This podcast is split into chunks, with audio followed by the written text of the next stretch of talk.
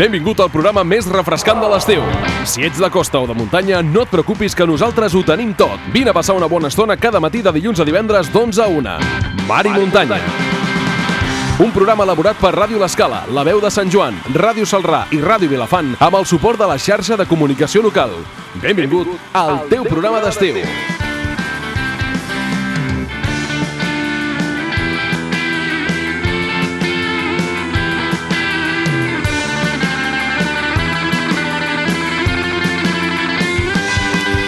Molt bon dia, benvinguts un dia més al Mar i Muntanya, aquest programa refrescant que fem cada dia de dilluns a divendres eh, el que el fem, a més a més, amb diferents ràdios de la demarcació de Girona. Deixeu-me que saludi els companys d'aquí, una mica els saludarem, eh? els hi direm bon dia, però deixeu-me que recordi les emissores que fem possible cada dia aquest Mar i Muntanya, aquest programa que us acosta tota, tota l'actualitat de les nostres zones. Eh, som Ràdio L'Escala, eh, Ràdio Montgrí, Ràdio Llançà, La Veu de Sant Joan, Ràdio Salrà i nosaltres, que us estem parlant en aquests moments, que som Ràdio Vilafant. Eh, Deixeu-me que que també que saludi els que estem aquí avui a l'estudi de, de Vilafant, eh? El nostre company Víctor Grau, Molt bon, bon dia. dia, Mercè Mainé. I el meu company Josep López, bon dia. Molt bon dia, Mercè Mainé. I qui us parla, Mercè Mainé, que us acompanyem cada de matí eh, doncs per fer-vos posar una bona estona, per divertir-vos, per posar-vos música, eh, per recordar quin dia mundial és, per recordar què va passar el dia com avui. Doncs això, ens hi posem. Anem a començar pel principi.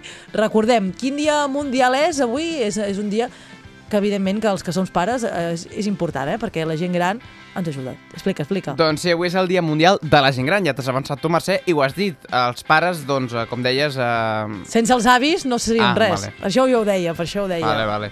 Doncs sí, avui és el Dia Mundial de la Gent Gran, avui 21 d'agost, estem uh, avançant cada cop més a aquest uh, final Exacte, de l'estiu que s'està apropant, eh? Recte final del Mar i Muntanya, perquè ens queda mitja setmana i una setmana sencera bueno, la setmana mar i muntanya i final de l'estiu, perquè el setembre ja sabeu que comença un altre cop, com, no, no la temporada, però sí que comença un altre cop les escoles, la gent sí, torna a treballar. Vull dir, bueno, gent... però quedaran encara 15 dies de setembre que encara són sí, estiuencs, bueno, però no? Els dos, les dues primeres setmanes de setembre ja ja no és el mateix perquè ja et prepares, t'encares cap al començament del, de, del, del curs, sí, sí. ja no és el mateix. Hi ha gent que diu que el començament d'any hauria de ser al setembre, perquè fas més propòsits a, a, a setembre que no pas a, a començament d'any.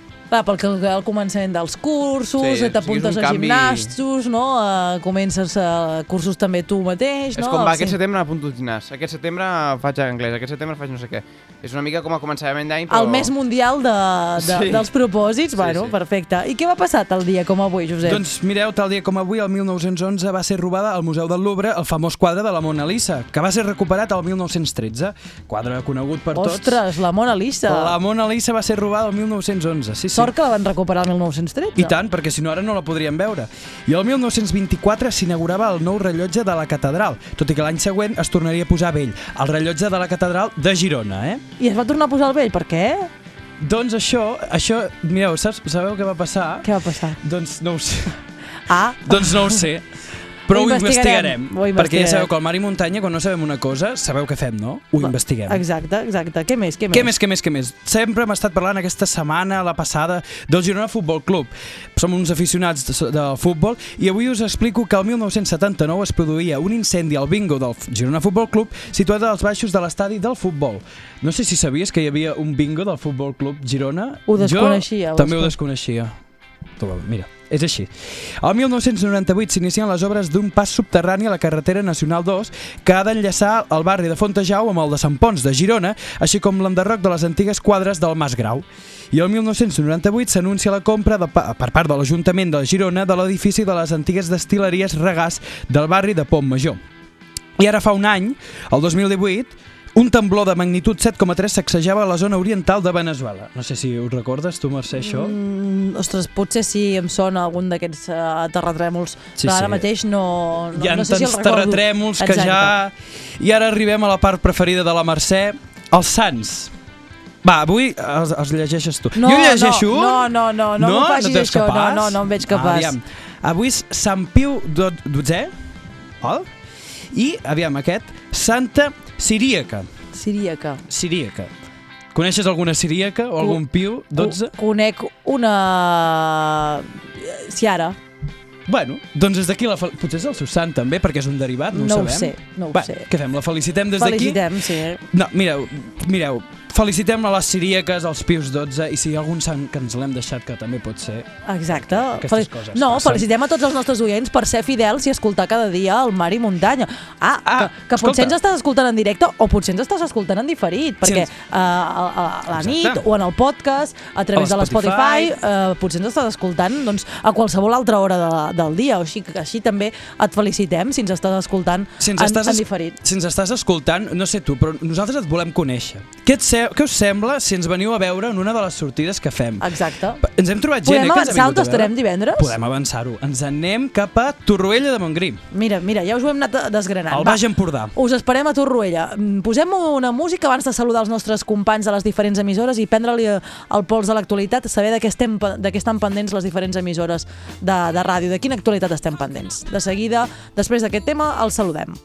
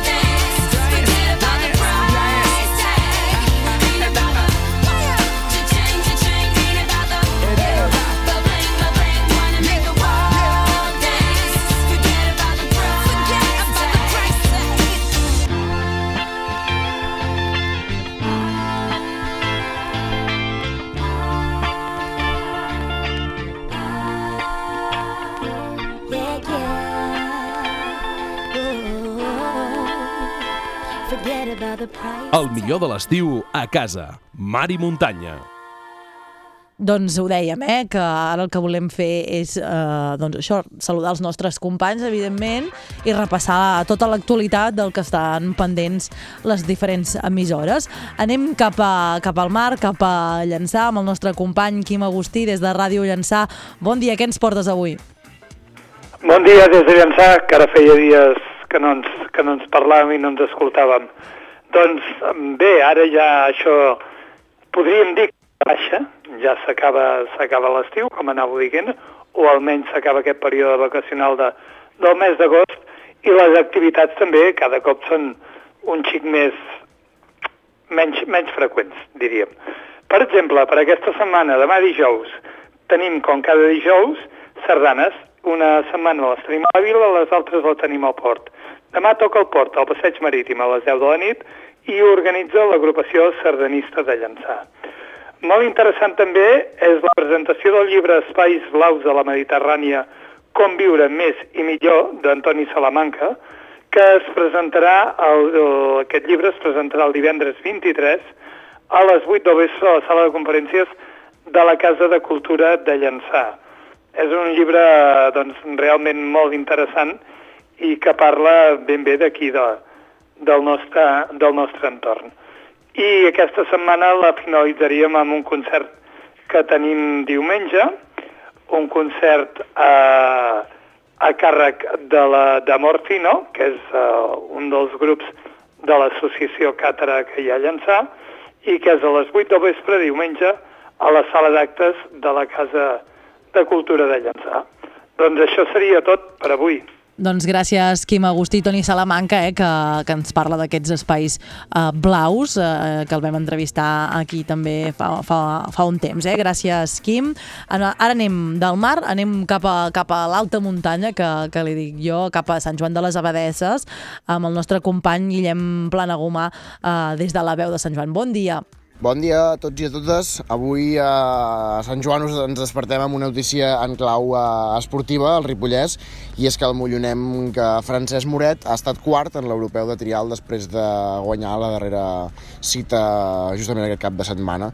Finalment no ha pogut entrar però al, al podi, doncs, format per Marcel i Tornú i Jalabert. El pilot eh, mollonenc, com us dèiem, Francesc Moret, ostentarà doncs, eh, fins a la competició següent, que és la de l'any que ve, del 2020, aquesta quarta posició doncs, en l'europeu de, de trial. Com us dèiem, finalment no ha pogut eh, entrar al podi, eh, que l'han format, això sí, un altre català, eh, Aniol Jalabert, eh, l'italià Gianluca Turnu, i l'altre italià, Gabriel eh, Marcelli, en el graó Uh, més alt. El jove gallec, uh, company de, de Moret, uh, de RG Trial Team, uh, s'ha endut la victòria general del campionat de- d'Europa amb un global de 355 punts, el munt domini aclaparador totalment, amb tres segones posicions i una victòria en les quatre proves en què, doncs, uh, que ha costat aquesta competició uh, europea, tot i així cal recordar que feia memòria que ningú li traurà a Moret la primera posició que va eh, obtenir el darrer cap de setmana a la República Txeca, eh, una victòria doncs, a la darrera cita europea eh, per davant del mateix Marcelí i del mateix Jalabert amb només 11 punts de penalització entre les dues eh, rondes. Un triomf, però, que no li va doncs, permetre jugar la diferència amb, amb Jalabert, el pilot d'Escorpa, per poder estar entre els tres primers al final de, de, d'això, de la competició europea. Els 10 punts doncs, que han separat els dos pilots, mm, com completades les curses han fet els que han marcat aquesta, aquesta diferència. Aquest resultat doncs, ja deixa per endavant eh, a Moret eh, en, en, doncs, en aquest final del Mundial de, de la competició de trial. Eh, ha d'afrontar la setena i la- darrera prova puntuable de la competició aquest 22 de setembre, el mes que ve, en el Gran Premi de- d'Espanya. Ara mateix, doncs, a Moret li tocarà defensar la cinquena posició que ocupa actualment, amb 6 i 9 punts d'avantatge respecte als seus competidors, Jacques Pis i Aniol Jalabert. El tercer i quart lloc està a més de 20 punts de distància, de manera que en aquest sentit doncs, pot estar tranquil i tanquem les notícies eh, de Sant Joan del Ripollès eh, explicant-vos de, doncs, de dos esdeveniments eh, gastronòmics que aquest de setmana tindran lloc a- al Ripollès, que seran per una banda doncs, la festa de la tapa i la cervesa el dissabte 24 a Ripoll i la Fira de l'Oli a Camprodon el diumenge eh, 25, així que ja ho sabeu. Eh, durant tot el dia, eh, el dissabte a Ripoll amb eh, la tapa i la cervesa, i per fer baixar el diumenge a Camprodon amb la Fira de l'Oli, tot productes artesans, ecològics i de proximitat, doncs per celebrar una mica aquesta uh, dieta de mar i muntanya que tenim a, a casa nostra. I això és tot des del Ripollès. Doncs gràcies, Guillem. Sí, la, la nostra dieta, eh? Tapes, cerveses, oli, per què no? Uh, anem ara cap a, cap a mar, anem amb el nostre company de Ràdio L'Escala, amb en Juanjo López, que avui ens parles del salari de, dels pescadors. Explica'ns. Uh, bon dia, Juanjo. Bon dia, Mercè. Doncs sí, perquè la Generalitat ha reconegut el dret dels pescadors a cobrar els 1.050 euros al mes que estableix el salari mínim interprofessional, en un sector no regulat fins ara i que funciona amb el sistema conegut com a la part. D'aquesta manera, el preu de la venda del peix s'hi restén el combustible i el gel, i d'aquí un 50% queda per l'armador del vaixell i l'altre 50% es reparteix entre els mariners. Els sindicats denunciaven que treballant a la part, en alguns casos els mariners ingressaven poc més de 400 euros al mes. La denúncia d'uns pescadors de Blanes els ha donat la raó. Un canvi de sistema pot obligar a plegar alguna teranyina. Pel que fa a l'escala, es creu que la repartició a la part és justa i beneficia tant a pescador com a armador. Tot i això, es creu que les teranyines que actualment treballen a l'escala podran tirar endavant, això sí, aplicant el salari mínim a finals d'any. Des del sector s'explica que s'entén aquest canvi però que també s'hauria de pensar en regular el preu del peix a la llotja o també, per exemple, la quota de captures de cada embarcació. Bon dia, Mercè, i de moment ja, ja ho tenim des d'aquí de l'escala. Doncs gràcies, Juanjo López, des de l'escala per acostar-nos doncs, a aquesta notícia que té a veure doncs, amb, amb, amb, el, amb el que cobren els pescadors. Ara ens n'anem cap a, cap a l'Europa a, a parlar d'avions a l'aeroport de Girona, eh, perquè el nostre company Lluís Salabert des de Ràdio Salrà té una notícia relacionada doncs, eh, amb els vols de, de l'aeroport. Digue'ns, eh, Lluís, bon dia. Bon dia, doncs sí, Ryanair eh, un, un any més ha tornat a, a, a amenaçar de tancar la base de l'aeroport de Girona eh, segons els sindicats. Ja, eh, la tripulació que fa vaga són 130 tripulants de cabina i, i entre 40 i 50 pilots mantenen la vaga durant 10 dies perquè no han arribat a un acord amb la companyia que assegura que aclarirà la situació en 15 dies. Les jornades afecten aquest cap de setmana i el proper, que és el darrer de mes. La base de Vilobí va ser la més important de la companyia al sud d'Europa quan va començar i ara eh, l'aerolínia de baix cost eh, es planteja aquest tancament per la pujada de costos de combustibles, l'increment de salaris de la plantilla i l'endarreriment de l'entrega dels avions Boeing 737. I ahir comentaves, Mercè, eh, i avui us ho podem confirmar que des de Ràdio Salrà demà farem el Mar i Muntanya i el Terga Barres Magazine des de Bordils. Perfecte, doncs eh, des d'allà et saludarem, eh, connectats com sempre a través de, de la xarxa eh, de comunicació local que ens permet doncs, a través de la màgia de la ràdio doncs, que tu estiguis a Bordils però que estiguis a Vilafant a llançar a eh, Sant Joan les Abadeses. Bé, és, és màgia radiofònica. Gràcies, eh, Lluís Salabert, eh, per l'actualitat. Nosaltres anem a destacar del que estem pendents aquí a Vilafant. Des de Ràdio Vilafant us explicarem doncs, que L'Ajuntament de Vilajuïga ha estrenat un nou cotxe per la brigada municipal, eh, un cotxe elèctric i que per tant no genera emissions contaminants. Eh, aquest cotxe ha estat eh, una compra realitzada del passat mandat eh, municipal. Es tracta d'un cotxe que el mes de maig eh, va tenir un cost de 34.000 euros i 29.000 euros dels quals estan subvencionats gràcies al Fons de Cooperació Econòmica i Cultural de la Diputació de Girona. Així doncs, eh, un cotxe que s'ha pogut eh, comprar gràcies a, doncs, a, aquests, a aquestes ajudes.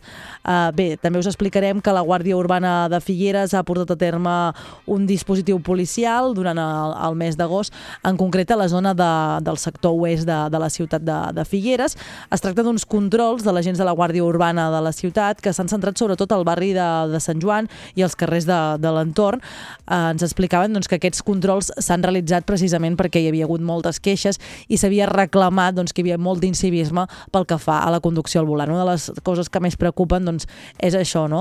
el fet de no portar el cinturó de seguretat. Sembla, sembla que ja està, està havent-hi eh, en, aquest, en concret a tota la ciutat i en concret en aquest barri doncs, eh, gent doncs, que no utilitza el cinturó de seguretat mentre es condueix. Si ens estàs escoltant i, i estàs conduint ara mateix, doncs, eh, sobretot el cinturó de seguretat a tots els ocupants del vehicle perquè és importantíssim per evitar accidents, eh, per evitar mals majors si, si, en cas d'accident l'accident. Aquesta actuació que us explicàvem de la Guàrdia Urbana de Figueres, en el barri de Sant Joan, eh, es va realitzar a principis d'aquest mes d'agost. Eh, doncs, eh, mira, van detectar eh, diversos estacionaments a la vorera, van detectar també persones que obstacu- obstaculitzaven la circulació, persones que estacionaven en espais reservats per al bus urbà, eh, estacionar a menys de, de 5 metres de- d'encreuaments, de, dificultar a les persones amb mobilitat eh, reduïda que baixen eh, per, de la vorera, bé, totes aquestes infraccions que van detectar la Guàrdia Urbana. Uh, el, el vicealcalde de, de Figueres i regidor de Seguretat, Pere Caselles, doncs ens explicava que no es tracta d'un dispositiu uh, creat només per, uh, per, per aquest sector de la ciutat, sinó que també uh, és un dispositiu uh, que s'aplicarà en altres punts de la ciutat. Si us sembla, l'escoltem. És com a qualsevol part de la ciutat, el que passa és que bueno, hi havia moltes queixes d'incivisme al volant, per tant doncs, eh, se'ns va demanar per part que representants de l'associació de veïns de, de Colbret i del barri de Sant Joan doncs, que es fes un, que es, que es veiés eh, que es podia fer doncs, eh, per, bueno, perquè la gent perquè es ve, perquè no conduís més a peça del compte, perquè es fes servir com toca el cinturó de seguretat, que aquest és una problemàtica que veig molt de tota la ciutat, Doncs eh, aquest és el que, això és el que ens explicava el vicealcalde i regidor de Seguretat, eh, que precisament que els preocupa molt des del consistori doncs això, no? que la gent no es posi al cinturó de seguretat quan està al vehicle. Eh? Des d'aquí, des de Ràdio Vilafant, des del Mar i Muntanya, des de les diferents emissores que el conformem, doncs fem aquí una crida que si ens estàs escoltant eh, des de qualsevol punt de les comarques de Girona, doncs et posis el cinturó. Si el portes, doncs eh, pensar-hi sempre de posar el cinturó mentre condueixes. Una altra de les notícies és que les àrees de turisme del Consell Comarcal de l'Alt Empordà i del Baix Empordà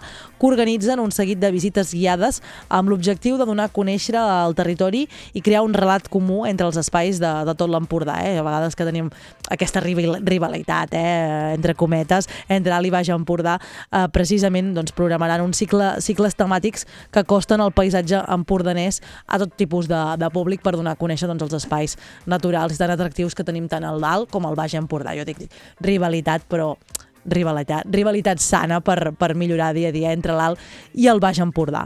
Nosaltres eh, estaríem ja de, de la nostra actualitat, us destacaríem tot això, eh, que no és poc. Nosaltres continuem endavant amb el, amb el Mar i Muntanya. Ens queda re, un minutet per, per fer eh, publicitat, fer quatre consells publicitaris i de seguida en Lluís ens avançava que demà ell estarà a Bordils, eh? estarà al carrer. D'aquí poc ens n'anirem nosaltres també eh, al carrer. Hem anat, vaja, eh, perquè hem, ens agrada molt conèixer la vostra opinió i bé, estat preguntant avui platja o mar? Ah, no, pla, bueno, platja, platja al mar, evidentment, o piscina. Uh, platja o piscina? Aquesta és la pregunta que hem fet. Si ens esteu escoltant i voleu respondre a la nostra pregunta, podeu enviar-nos uh, o trucar-nos, enviar-nos missatges o trucar-nos. Uh, de seguida, després dels consells publicitaris, recordarem números, obrirem línies per si voleu doncs, uh, això, trucar-nos i, i donar-nos la vostra opinió. La d'alguns uh, ciutadans ja l'hem recollit uh, després dels consells publicitaris. Fins ara. El remei per passar la calor és el mar i muntanya. Cada matí, d'11 a 1.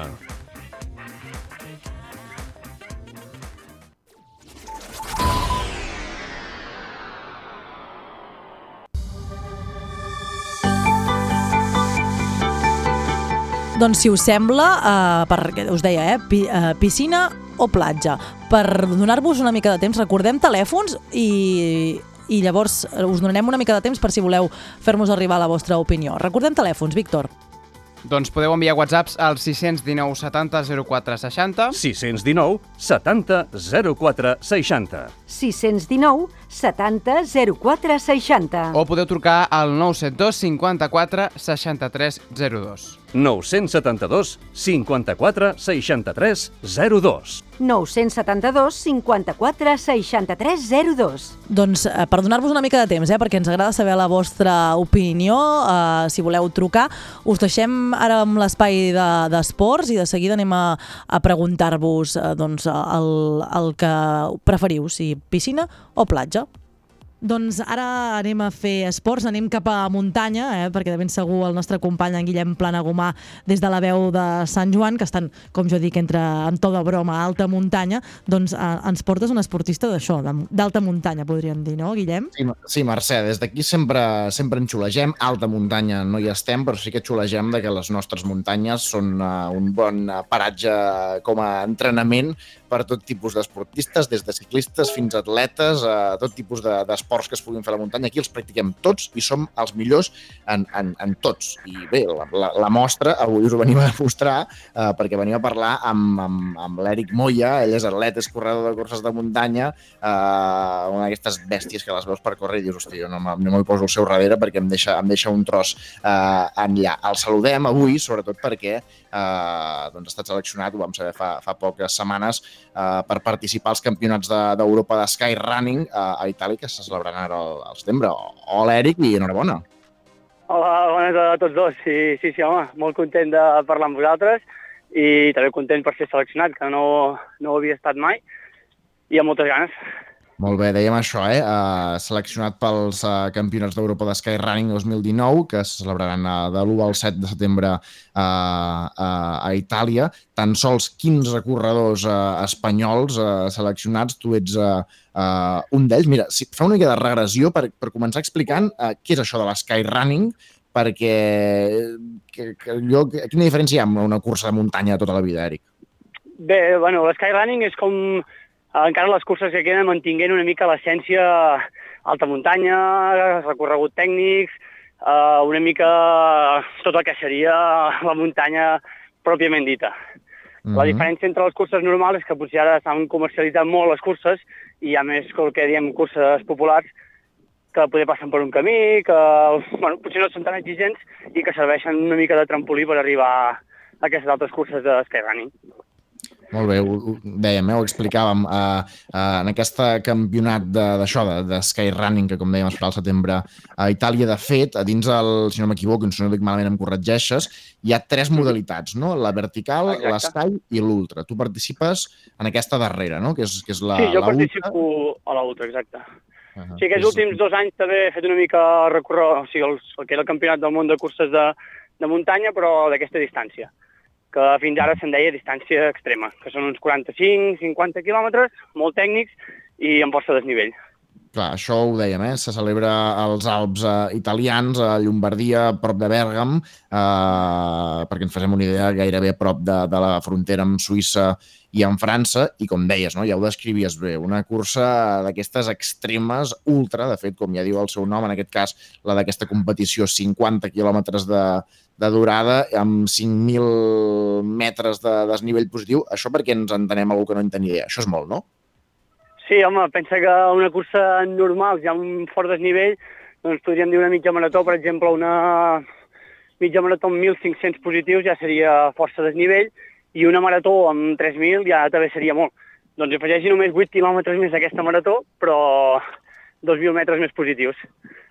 Molt bé, déu nhi déu Mira, i ara llegíem aquí no, que és el segon any que es fa els Campionats d'Europa eh, en aquest punt d'Itàlia i d'aquesta cursa de, de la secció de, de, de la Ultra. Eh, el rècord ara per ara estan 7 hores, 44 minuts i 45 segons corrent. Això és una bona colla de segons, suposo que és una cursa d'aquestes d'autosuficiència, d'anar durant, ja dèiem, no? una cursa dura. No sé tu, Eric, en, en, en quin estat estàs a nivell d'entrenament, d'estat de, de físic, i no sé, ja no dic a batre el rècord aquest, però, però com t'hi planteges a nivell d'ambicions eh, quan vas a córrer cap aquí? Doncs mira, aquest any m'havia planificat la temporada una mica al revés de l'any passat. L'any passat, com et deia, vaig seguir encara la Copa del Món, i aquest any, per circumstàncies, perquè m'he ficat a estudiar una mica i tot, doncs vaig dir que m'ho agafaria amb més calma, però a l'haver fet uns bons resultats l'any anterior en curses similars a aquesta d'Itàlia, doncs mira, em va trucar la, la seleccionadora, la Núria, i em va dir si em feia gràcia anar, doncs la veritat és que em feia molta gràcia i il·lusió participar-hi. Eric, di, di que, vas a, que et plantejaves la Copa del Món i dir que aquest any t'ho prens amb més calma i aniré només a la Copa d'Europa, també em sembla, també em sembla destacable, eh, almenys. Sí, bueno, era això, eh? més que res, aquest any era una mica fer les curses que em venien més, més de gust, que altres anys no puc fer per calendari, i la veritat és que ha sortit aquesta oportunitat sense plantejar-m'ho massa, ja vaig dir que sí, i des de llavors, doncs mira, a principi de temporada no vaig entrenar massa, però ara ja porto un parell o tres de mesos que em noto bé i entrenant una mica a tope. Ara que parlaves d'entrenaments, com, com et prepares? Perquè suposo que és una preparació física, però també mental important, no?, a poder participar doncs, en aquest campionat d'Europa o, o poder afrontar totes aquestes curses que, que ens comentaves. Com et prepares? Sí, bueno, jo no sóc potser un, un, una persona massa a seguir o tindre en compte a l'hora de fer aquests entrenaments, perquè, bueno, com bé deia en Guillem, aquí escalem, correm, anem en bici, i justament ara parlàvem amb el Genís, el company que pujo a escalar, que estem anant cap a escalar, doncs ho dèiem, que potser preferim ser dolents amb tot que no els millors amb alguna cosa. I mira, m'ha fet gràcia que abans que ho comentaven, que aquí fem una mica de tot i, bueno, l'entrenament específic sí que he augmentat una mica el desnivell, però segueixo fent una mica el que m'agrada, la veritat. Clar, perquè a nivell de selecció potser us exigeixen uh, unes hores de- d'entrenament uh, determinat o, o, o no és així, no t'han imposat de, res? No, de fet, mira, ells han estat aquest cap de setmana de concentració per als picos d'Europa i tota aquella zona d'allà, però se'm casava un amic meu i no, no vaig poder assistir. Però no, no et diuen, eh, un entrenament específic. Tots els que anem allà són prou grandets per, per saber on anem, suposo, i que no ens deixen fer una mica a la nostra. Feies, feies broma, no?, ara que deies això de... de, de bueno, parlàvem d'això, no?, que aquí fem, fem de tot i és, i és ben cert, no? Tu n'ets el bon exemple perquè tu t'hem vist aquí al Ripollès participant en curses, participant en, en curses de bicicleta, escalant, eh, eh, i ara, de fet, ens feies broma que em deies, ostres, quan vam dir-te de fer l'entrevista, ostres, estic de vacances, no sé si... I vaig pensar, ostres, això serà que, que, bueno, que està desconnectant i que no vol... Potser que, que, que l'emprenyem amb aquests temes, però no, just estàs de vacances de les teves, que deies, no? Perquè estàs, estàs pujant una muntanya en aquests mateixos instants. Uh, sí, sí, sí, les meves vacances no són gaire de descans, la veritat. Al final jo trobo que les vacances són per, per desconnectar, cert, però per desconnectar una mica el cap i fer una mica el, el que t'agrada. La meva mare sempre m'ho diu, si tornes més cansat del que has marxat de vacances. I dic, bueno, això és senyal que han anat, que han anat bé. I sí, ja fa uns anys que pugem cap aquí als Alps i, bueno, que, si aquí baix tenim un pati brutal per entrenar, per escalar, per córrer, aquí dalt, bueno, si no hi heu estat us ho recomano perquè és impressionant. Clar, clar, clar, clar. Ara estàs a això, a Chamonix, que de fet no és molt, molt, molt, molt, molt lluny d'on aniràs a, a, a competir. No sé si tu ja has estat massa mai a, allà a les, a muntanyes on aniràs a, a córrer i si són molt diferents, per exemple, a les d'aquí. Potser són paisatges semblants a les que tenim aquí al Ripollès, per exemple? Bueno, jo crec que els Alps, eh, com aquí Chamonix i tot això, doncs eh, sí que és una mica similar al que tenim allà, eh, evidentment a escala, perquè aquí tenen molts 4.000, i penso que cap a la zona d'Itàlia, cap a Dolomites i tota aquella zona, s'assembla molt, però perquè us imagineu una mica és com si a sobre Serra Cavallera o sobre el, Taga i sortís una paret de pedra vertical de 500 metres en amunt. Clar, clar. Molt, molt I- més alt, no? Suposo, per, per, per jo que sóc de l'Alt Empordà, que, que no estic tan acostumada a les, a les muntanyes santjoanines, en- entenc que això Sí. és molt amunt, oi? Sí, sí, sí, és el que et dic, potser són muntanyes de 2.000, 2.500 metres, així és com a Marbeta i típic paisatge dels Alps, però justament això, Itàlia Dolomites, eh, quan estàs a dalt del cim, poder t'hi surt una paret de 500 metres de pedra, que és el falsa, la fa molt espectacular. Molt bé, i ara fe- fem això, no? Dèiem, fem mig broma de que, de que vosaltres entreneu molt per aquí, aquí es fan molts esports, eh, però jo crec que al final no és casualitat, no? Vull dir, al final, eh, no sé si és per l'ADN que tenim aquí, eh, perquè hi ha molts esportistes, o per les mateixes muntanyes que potser ja són un, un bon entrenament, i és realment una fortuna també a poder viure aquí i entrenar aquí, no, Eric? Sí, jo crec que estem en un entorn, estem en un entorn privilegiat per poder practicar qualsevol tipus d'esport. És cert que si vius una mica més avall, com Osona o és Barcelona, ja has de tindre molta més força de voluntat per sortir a entrenar, per sortir a córrer, per sortir a gaudir una mica de, de la muntanya. Però, ostres, jo crec que, és que només has de treure el cap per la finestra i tot et convida a sortir encara que sigui a caminar, pujar 10 minuts i seure a qualsevol pedra i contemplar el paisatge.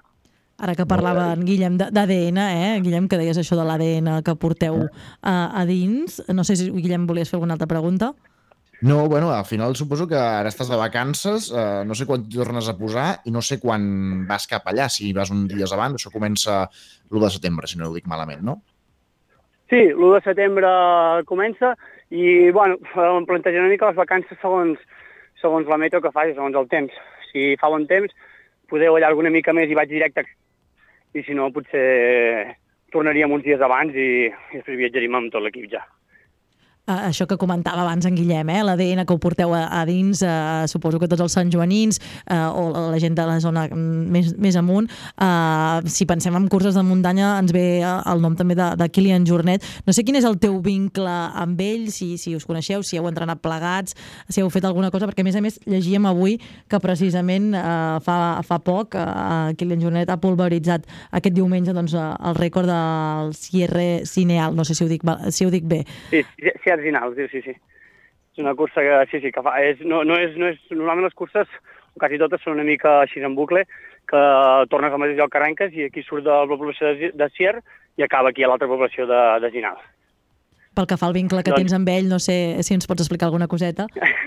Sí, no, ens coneixem i parlem, hem parlat alguna vegada i sobretot de condicions d'aquí als Alps, hem coincidit a moltes curses i, bueno, és, és, és el que dèiem, ara, ara en parlàvem justament, és un tio que no, no tampoc se'l pot mirar, perquè és algú No dona temps, no? extraordinari. Sí, sí, sí no, no, és, és, és brutal. La veritat és que té una capacitat de córrer, esquiar, fer alpinisme, que és envejable. Això que dèiem abans, que, que fem una mica de tot. Uh, jo et volia fer una pregunta una mica extraesportiva, podríem, podríem dir. Hem Sí. estat xafardejant el teu perfil uh, d'Instagram, hem estat uh, buscant informació i, i, i veig Ben que, fet, pub- bon de- que publiques moltíssimes, que publiques forces coses de, del que tu vas fent, no? De, doncs he pujat aquí, doncs eh, he estat aquí... Uh, Creus que les xarxes doncs, ajuden una mica doncs, això, no? a, a donar a conèixer aquest esport, a donar a conèixer la muntanya, a donar a conèixer el que fas? Com, com ho valores? Eh, T'ajuden, no t'ajuden les xarxes? Sí, jo crec que les xarxes, bueno, és una mica una arma de doble full, eh? però crec que gràcies a les xarxes socials doncs, la gent pot conèixer una mica més el que fem, la gent que potser no té la sort de viure tan a prop de la muntanya com ara parlàvem, i bueno, és una mica transportar la gent aquesta que no pot veure-ho amb els teus propis ulls a l'hora de penjar el que fem les activitats o entrenaments o... i també ens serveix molt, per exemple, com nosaltres, que volem saber com estan les condicions d'alguna muntanya, eh, busques algun company que ha penjat fotos o coses així. Mm -hmm. Parlant d'aquestes fotografies, una que ens ha cridat molt l'atenció a l'equip eh, de, del programa, precisament és una que estàs dormint pràcticament a l'aire. Com, com és aquesta sensació? Com es viu això? Bueno, mira, d'aquests ja n'he fet uns quants, quan fem bivac així de muntanya. Clar, quan fem vies molt llargues, doncs no ens queda més remei que, que dormir penjats, literalment.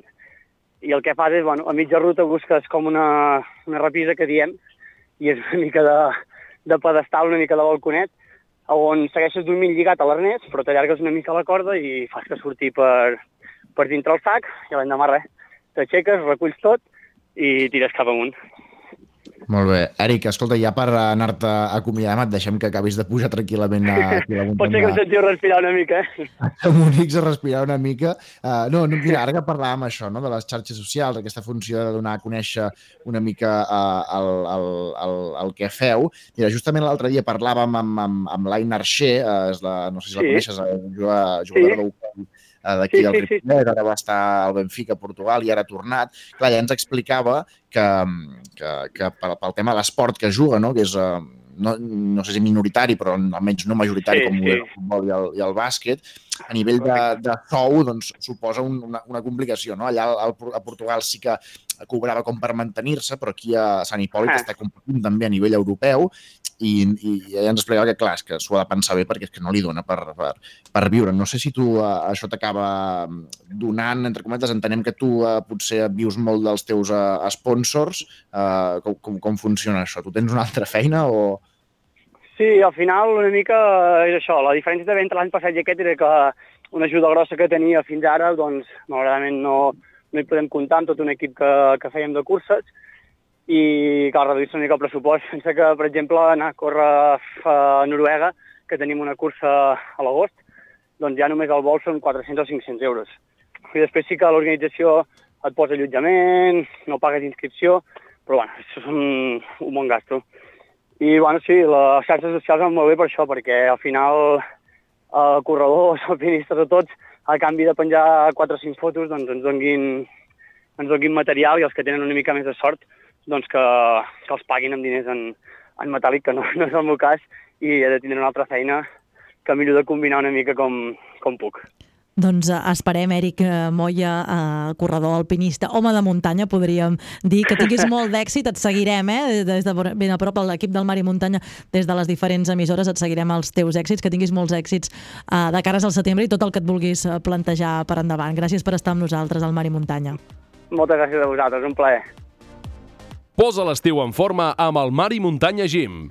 Doncs sí, ens hem posat a- en forma amb, amb l'Eric eh, Moya, que ens parlava doncs, de, de, de l'esport de muntanya, eh, que precisament hem pejat a les xarxes doncs, aquesta fotografia eh, d'ell, eh, mentre se tenia el, el mar i muntanya, mentre ens, ens estava tenint el mar i muntanya, doncs, que anava fent, anava practicant, anava eh, doncs, entrenant. Eh, nosaltres el que volem fer, eh, us ho dèiem eh, abans, eh, abans dels consells publicitaris, volem fer eh, la pregunta aquesta, o platja o piscina? Què preferiu vosaltres?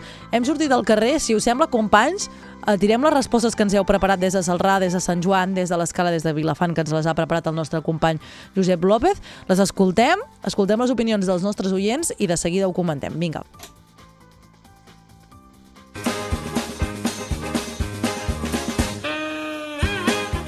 Doncs a mi m'agrada més la platja perquè a part d'estar banyant-te i passant la calor, estàs a la naturalesa i tens vistes, les muntanyes o el que sigui.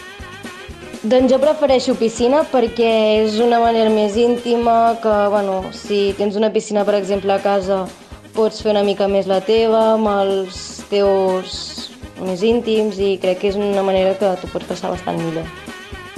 Doncs la veritat és que posats a triar prefereixo la piscina, ja que crec que és un entorn una mica més controlat i sobretot més net, perquè un, sempre un dels inconvenients que trobem quan anem a la platja és que bé quedes ple de sorra o ple de sal.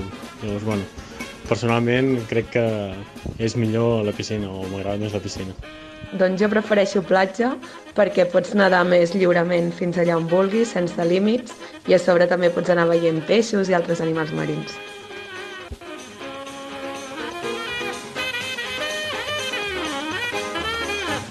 A la platja, mm, natural, més tranquil·litat també. A la piscina molta gent, el cloro, eh, platja més natural. La platja. M'agrada molt la platja ja des de petita i sobretot les de roca. Res, ni una cosa ni l'altra, perquè no hi anem mai. A la piscina. Així, així me puc menjar un gelat. A piscina. És més neta i és més còmode per als nens. Playa, no. Piscina, tampoco.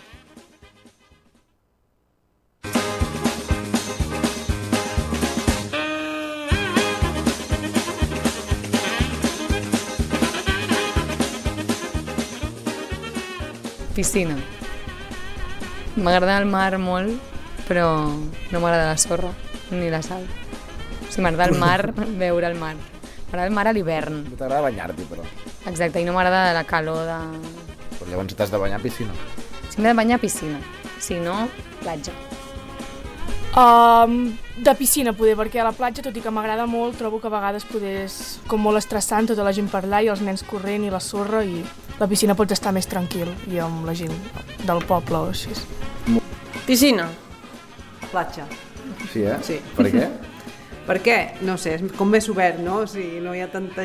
Hi ha gent, però no és tanta, no sé, és diferent. M'agrada més el mar que, que la piscina. Aquesta pregunta de què prefereixo, si piscina o platja, és un dels temes més interessants que tinc, perquè a mi m'agrada molt la piscina. És, cada dia hi vaig, a l'estiu i m'agrada molt. I la platja també m'agrada molt, però l'únic inconvenient que tinc a la platja és la sorra. No m'agrada que se m'embruti la tovallola de sorra, que, que els peus em quedin de sorra, que la gent quan passi tira sobre la tovallola, és una cosa que em molestaria molt. I sempre amb una meva amiga teníem la, la, la intenció de dir, hosti, per què no fan la platja, però que també hi hagi gespa artificial, no només sorra, saps? Després m'agradaria més la platja, però si no em quedo amb la piscina.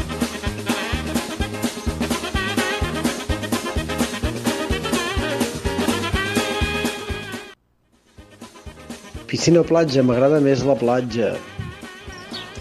Prefereixo la platja. Jo sóc més de piscina que de platja. La platja batabala molt, massa gent, i l'aigua salada, i prefereixo piscina on et pot cabussar tranquil·lament. Però a l'estiu sempre és millor la platja, ja que eh, amb el sol agafes proteïnes i vitamines per la pell i pel cos, i l'aigua salada pues, diuen que va bé. però sóc més de piscina, la veritat, perquè s'està més tranquil, i més si la tens a casa. Entre la piscina i la platja, trio la platja. M'encanta anar a la platja a primera hora del matí quan no hi ha ningú. I vosaltres, companys? Piscina, platja, sorra, sal o gelat, com deia aquella nera. Bueno, que a la, a la platja també et pots menjar un gelat. Què hi digueu vosaltres, Lluís? Jo, mira, si és a la platja, allò, aigües cristal·lines, aigües que ja en tenim per aquí, eh?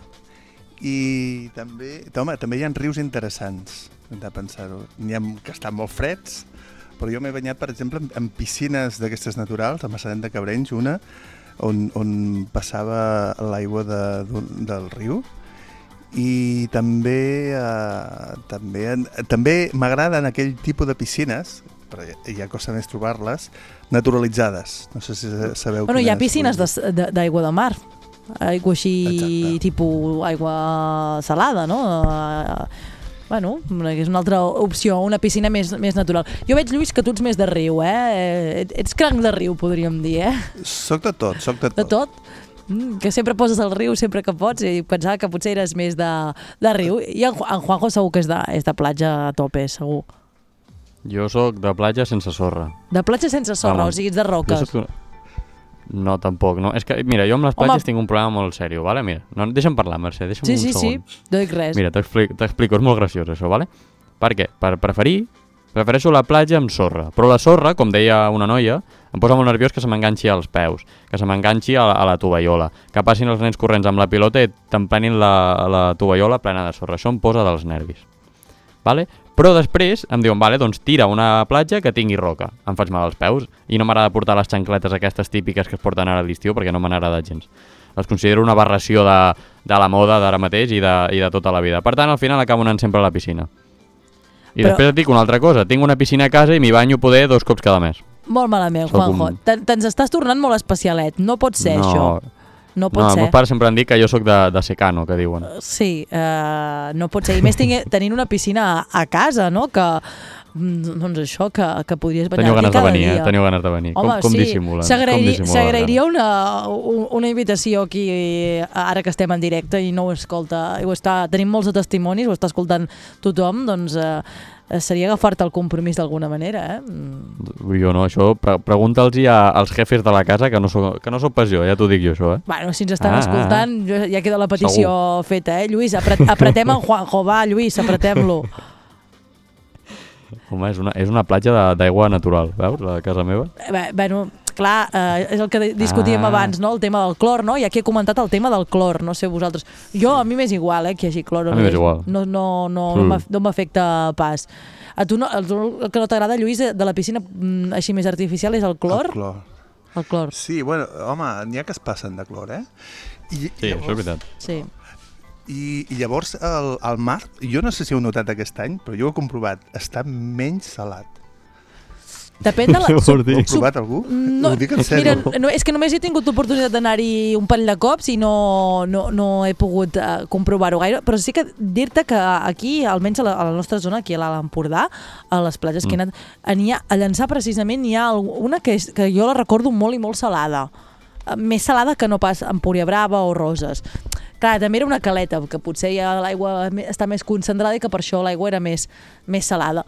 Mm, clar, això depèn de la platja que, que vagis. Mira, justament l'any passat vam parlar amb, amb, amb uns nois que tenen un perfil d'Instagram que te- t'expliquen precisament aquestes coses, no? Eh, Els serveis que té cada platja, com són, quin paisatge hi ha, eh, que es diuen a cop de mar, que, que, que investiguen totes les platges d'aquí de, la, de la Costa Brava, així que si els voleu seguir us agrada la platja, doncs és una bona idea, doncs, no? per tenir informació de les platges que, que podeu anar. I si no, a la piscina, a la piscina Vilafant, a la piscina de Salrà, a la piscina de Juanjo, a la piscina Tenim de un Sant altre Joan de les debat aquí, Abadesses. Mercè, possible? Digues. No sé si sou conscients d'aquest debat, perquè ja està molt bé diferenciar si ets més de platja o si ets més de piscina. Però diferenciem també la gent que va a la platja o va a la piscina per estar 8 hores estirada en una tovallola. Que jo no si vaig a la platja no surto de l'aigua. Bueno, jo, De veritat, jo, eh? jo soc més, Soc un cranc. jo soc més, mm, més partidària de, de, que hi hagi estones de tot. Una estoneta doncs, eh, et banyes, fas una mica uns, els teus llargs en aigües obertes, en el cas del mar, eh, en el cas de piscina, doncs algunes piscines, nedar, jugar una miqueta i després estirar-se a la, a, la, a la tovallola, fer el gelat, com deia alguna de les respostes, eh, llegir un llibre, perquè La no, eh? ara Exacte, anar al biblioplatja de Llançà, com parlàvem l'altre dia, no? No sé. Lluís, què t'agrada fer quan, quan vas al mar, tu? Sí, ja ho vam dir-ho, sí. Ara, ara estic pendent d'anar a llançar, És a llegir el diari. Doncs pues molt bé, ja tens, ja, ja tens la proposta sobre la taula, Lluís, a- al biblioplatja de Llançà, a la platja del Port de Llançà, a, a, fer, a fer uns banys. Si veieu en Lluís Salabert, doncs el saludeu, si sou oients de, del mar i muntanya. Uh, gràcies per les vostres enquestes que ens heu fet acostar, que ens agrada molt saber l'opinió de la gent dels vostres territoris i també doncs, fer aquest petit debatillo que, que hem fet aquí entre nosaltres al mar i muntanya. Nosaltres fem uns consells publicitaris, ens actualitzem amb els companys de la xarxa i de seguida hi posem música quilòmetre zero. Vinga, va, fins ara mateix.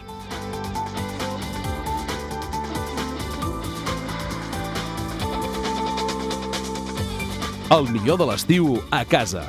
Mar i muntanya.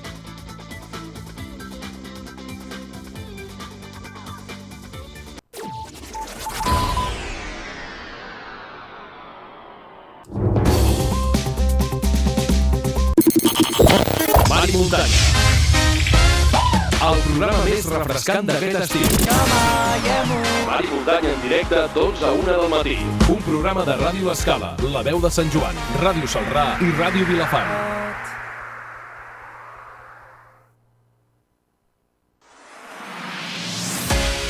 Doncs ara el que volem fer és posar-hi música, en aquest cas música a quilòmetre zero.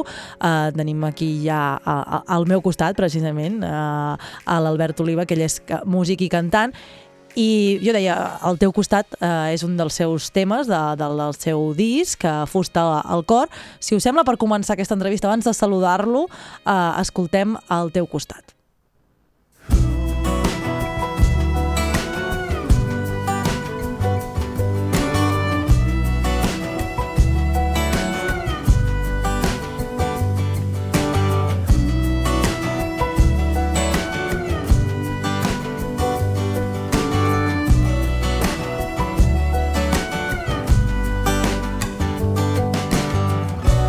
Aquest temps s'ha passat volant i al teu costat mai m'he sentit sol. Quan sembla que tot s'ha d'ensorrar et miro els ulls i torno a enlairar. Les teves mans saben escoltar la teva pell em fa volar. No hi ha paraules que puguin dir tot el que tu em fas. Tot el que hem guanyat, tot el que hem perdut. Ho tenim guardat en un lloc sagrat.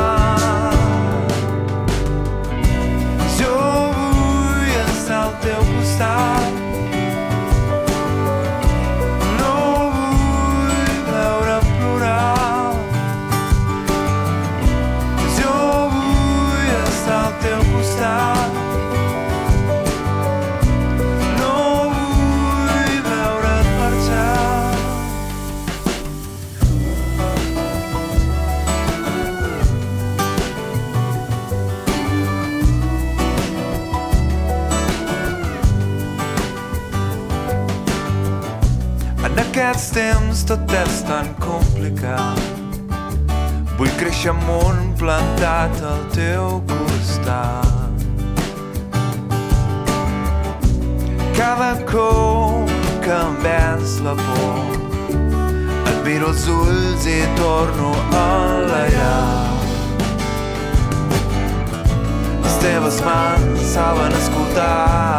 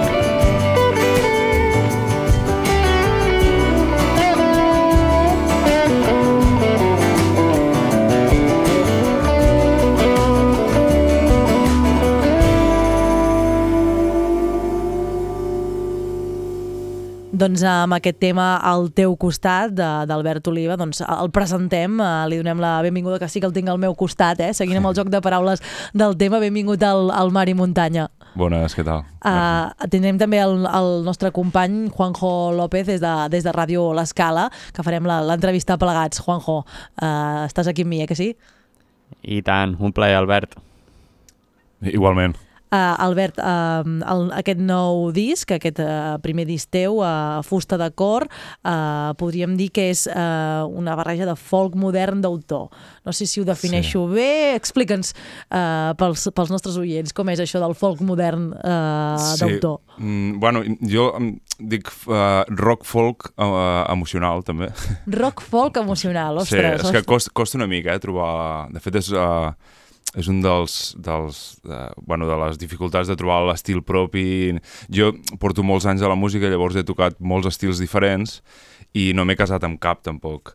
Però, clar, els temes els vaig crear amb guitarra acústica i veu. Llavors, clar, això és la, és la base del folk, no? D'agafar una guitarra i amb una guitarra acústica i una veu fer els temes. Llavors, com que els temes estan creats mm, eh, d'aquesta manera, doncs té aquesta onda folk. Però, bueno, al disc hi ha un blues, que és més elèctric, hi ha alguns temes que van més cap al pop rock, en directe també fem un reggae, per exemple, no? o, o un rock. Un... Vull dir, bueno, és una mica una barreja d'estils, però sí que l'eix central d'almenys aquest disc és el, el folk. I és emocional perquè, bueno, hi ha molta emoció. Tothom, la gent que em coneix ja m'ho diu, hòstia, tio, és que tu ets molt emotiu, eh? Però sí, és veritat, no hi puc fer-hi res. Clar, sentiments, de... no? Sí, de xi... que hi hagi xitxa, saps? Si no hi ha xitxa, no... no... Si no hi ha passió i... Però bueno, això cadascú... Juanjo? I tant, la passió, la passió és un tema important, eh? Ara, parla'ns una mica del teu àlbum de Fusta de Cor. A quin Albert hi podem trobar en ell? Són vuit temes composats per tu que has anat elaborant al llarg d'anys de, de contenció, de no composar, no? o de no escriure música.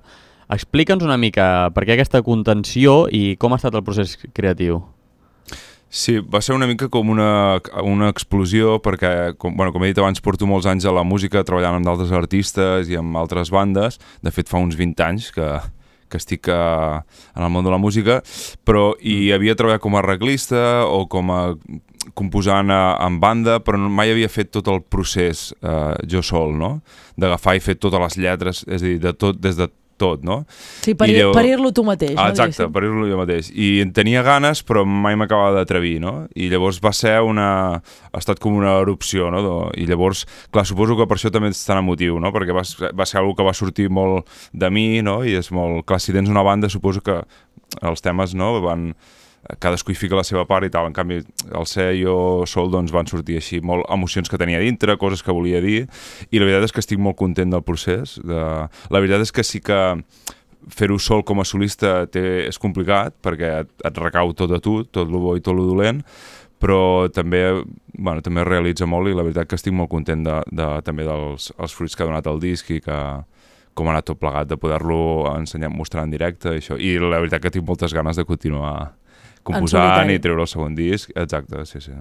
Juanjo? Molt bé, i com parlàvem ara, que has dit que eh, portes uns 20 anys en el tema de la música, fent cançons i tal, però he, hem estat llegint per internet que sobretot destaques aquest últim any, dos anys. Ens podries dir per què? Uh, bueno, precisament per això, suposo, per... Uh, bueno, Mhm. mm -hmm. suposo no, sí, és per això, no? Al, al treure el meu disc i al treure, fer la meva música, la veritat que he descobert una... una bueno, un, un nou uh, un, bueno, un nou lloc dintre la música, no? La música és quelcom molt ampli, no? I la veritat que tocar els teus temes, bueno, té una, una recompensa especial, no? I una connexió molt, molt diferent, que no, clar, no ho havia sentit, no? Llavors, la veritat que sí que ha estat un, hi ha un, un abans i un després uh, a partir de... També de tirar el, el meu projecte endavant, no? Muntar la, la banda, ocupar-me de tots els detalls, no? Llavors és, és que eh, puc decidir-ho tot eh, i llavors la veritat que em fa mm, bueno, em fa més feliç, sí, o més realitzat, diguéssim. Clar, músic, músic figuerenc uh, implicat en, en diferents bandes, com deies, que portes molt de temps a, a, a la música. Mm. Podríem dir que ara el fet d'actuar a- en solitari és com com despullar-se no? a, a, a dalt l'escenari, no? de despullar-se davant de, del públic. Fa una mica de vertigen, no? Potser? Sí, sí, totalment. I és un procés, eh? Clar, al principi vaig començar a fer els temes eh, dos o tres anys abans de, de treure el disc i al principi, clar, tens pors, has de lluitar contra les pors, no? les vergonyes, t'has d'empoderar, no? Ara aquesta paraula que està bueno, tan de moda i que, que guai que estigui de moda, però sí, hi ha un punt que t'has d'empoderar i perquè clar, et despulles i par estàs parlant dels teus sentiments, estàs, sí, és, és un és despullar l'esperit una mica. I llavors sí que, bueno, has de lluitar contra les pors, sí, sí. I aprendre moltes coses, no? Com es fa això, com es fa allò... En fi, però bé, ho Ah, recomano. En Juanjo uh, uh, volia preguntar pel nom del disc, oi, oi Juanjo? Sí, perquè em sembla un nom molt, molt curiós, no? Però, aviam, si, si la- si l'anem escoltant, més o menys ja ho anem entenent, no? Uh, ens està parlant d'aquest uh, bueno, d'aquest nu espiritual, no? d'aquest- d'aquesta força i aquesta empenta que, que ha hagut de fer per treure un disc en solitari, cosa que valoro molt, no? I imagino que deu anar per aquí, no? Imagino que, que deu ser un compromís de, de sentiments i un cúmul que, que ho has anat a lligar tot amb, amb aquest nom de Fusta de Cor, però si tens uh, alguna cosa més que explicar-nos, estaria molt interessant en saber-ho. Bueno, sí, el, de, lo del el títol del disc, jo a vegades al final ho acabava definint com que fusta de cor és com una com un, un- com un material que no, no existeix creat, diguéssim, que és, és aqu- la música de, del disc, que és eh, fusta perquè és molt orgànica, perquè de fet no hi ha música electrònica al disc, és tot música d'instruments acústics, no? Eh, i, eh, I de cor perquè parla molt d'emocions, no? Llavors és com algo molt orgànic i molt eh, emotiu, i per això vaig triar aquest nom. I també, bueno, perquè mm, tinc, a casa tinc un, un, un cor de fusta, que li dic jo, que és una soca d'un arbre, que fa molt temps que m'acompanya i per mi és com allò un amuleto. Un referent, no? sí, Potser. i de fet volia que sortís a la portada, però al final no, no quedava gaire bé. I, bueno, això. També és aquesta connexió amb la natura que tinc, que jo visc a pagès, saps? Eh, I llavors, Sí, bueno... has deixat la gran ciutat, Figueres, no? Ah, Uh, per, per anar-te'n a pagès, Sí, sí, diguéssim, sí. no? Bueno, està, està bé. eh, El canvi eh, ajuda a crear mm, un entorn més natural. Sí, sobretot ajuda el silenci. Eh, El silenci. Almenys, sí, perquè clar... Els, el... és curiós, no? Perquè és contraposat, no? La música és, és, és so i, i el silenci ajuda a crear so, no? Ah, exacte, sí. Bueno, és una mica, jo ho explico, que és com el pintor que necessita un full en blanc, no? O, un, una tela blanca, que els músics necessitem silenci per poder crear-hi a sobre, no? Per poder pintar música a sobre. Llavors, el, el, a, a la natura o la vida al camp, a part de que també té, té, té sorolls com el gall, que cada dia al matí canta, però bueno, ja canta, no? Ja Però no, més... les campanes, no? Que a vegades... Les campanes, o no. A les, però, la, bueno, Els xais, no? Que... Mm. També buscant una tranquil·litat interna, no? De, també. I jo, bueno, també el meu avi, mira, era pagès de Vilanant, llavors jo sempre he tingut aquest... Aquesta vessant més, de, Sí. més rural. A més a més, abans, abans et preguntava això, no? si era com despullar-se davant de, del públic a, a doncs, a actuar en solitari, eh, precisament eh, també deu ser un, una, una pujada no? també de- de- d'emocions el fet de sentir eh, doncs, temes eh, com per exemple el del temps dirà doncs, eh, en algunes sèries de, de, de, TV, de TV3, de Televisió de Catalunya eh, per exemple, en concret el temps dirà doncs, ha sonat alguna vegada eh, com si fos ahir aquesta telenovela si, si et sembla l'escoltem i, i comentem el que Sí, vas i sentir no? al poder-la sentir en aquesta sèrie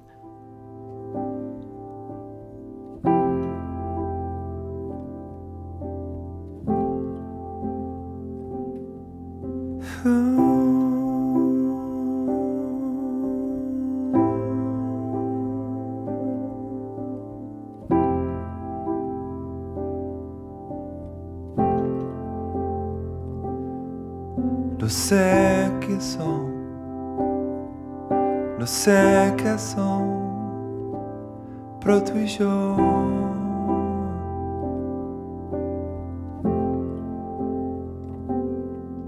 No sé cap on, lo sé tot dorm, menys tu i jo.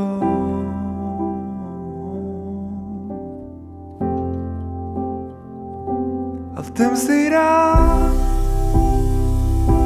el que hem de fer